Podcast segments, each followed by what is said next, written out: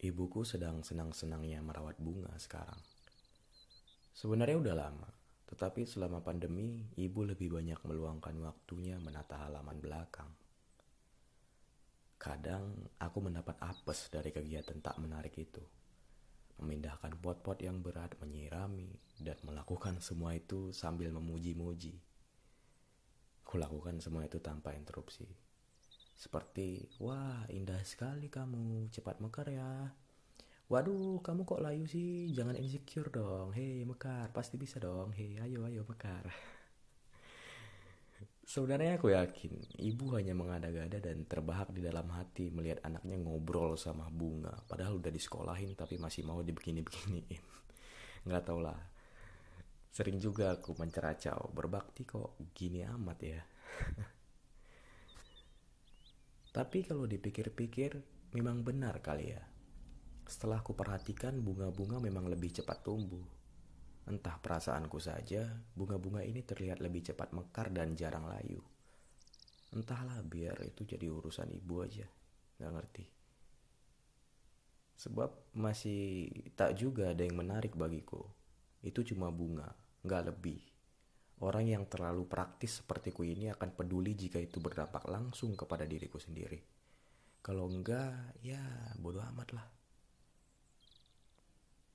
Sampai pada sebuah duduk menikmati sore dengan teh sambil curat-curat kecil perihal hidup bersama ibu, tiba-tiba ibu menunjuk sebuah bunga.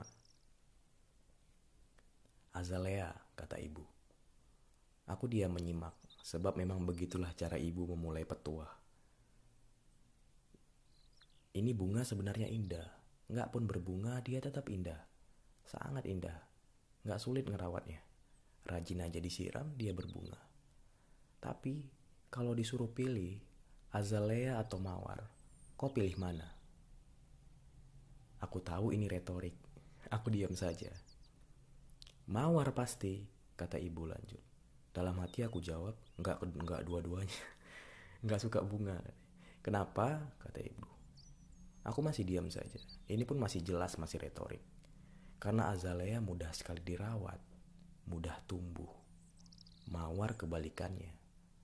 Untuk punya nilai, sesekali kamu harus menjadi mawar. Tapi tetaplah rendah hati seperti azalea. Kalau kau cuma jadi mawar, nggak semua orang bisa menjangkaumu sebab kau punya duri. Kalau kau hanya jadi azalea, kau punya hati gampang sekali dicuri. Jadilah keduanya. Aku tertegun sejenak dan tersadar ketika ibu menyentak sambil bertanya, Ngerti? Aku mengangguk, padahal belum sepenuhnya paham. Bukan perkara mudah menjadi dua sekaligus. Ibu paham aku masih belum mengerti. Lalu ibu berceletuk. Kok nggak harus jadi siapa-siapa? Bunga-bunga yang tumbuh ini sebenarnya ada di dalam diri kita. Berbicara dengan bunga artinya berbicara dengan diri sendiri. Azalea atau mawar ada pada dirimu. Untuk bisa menjadi keduanya, kau hanya perlu menjadi dirimu sendiri.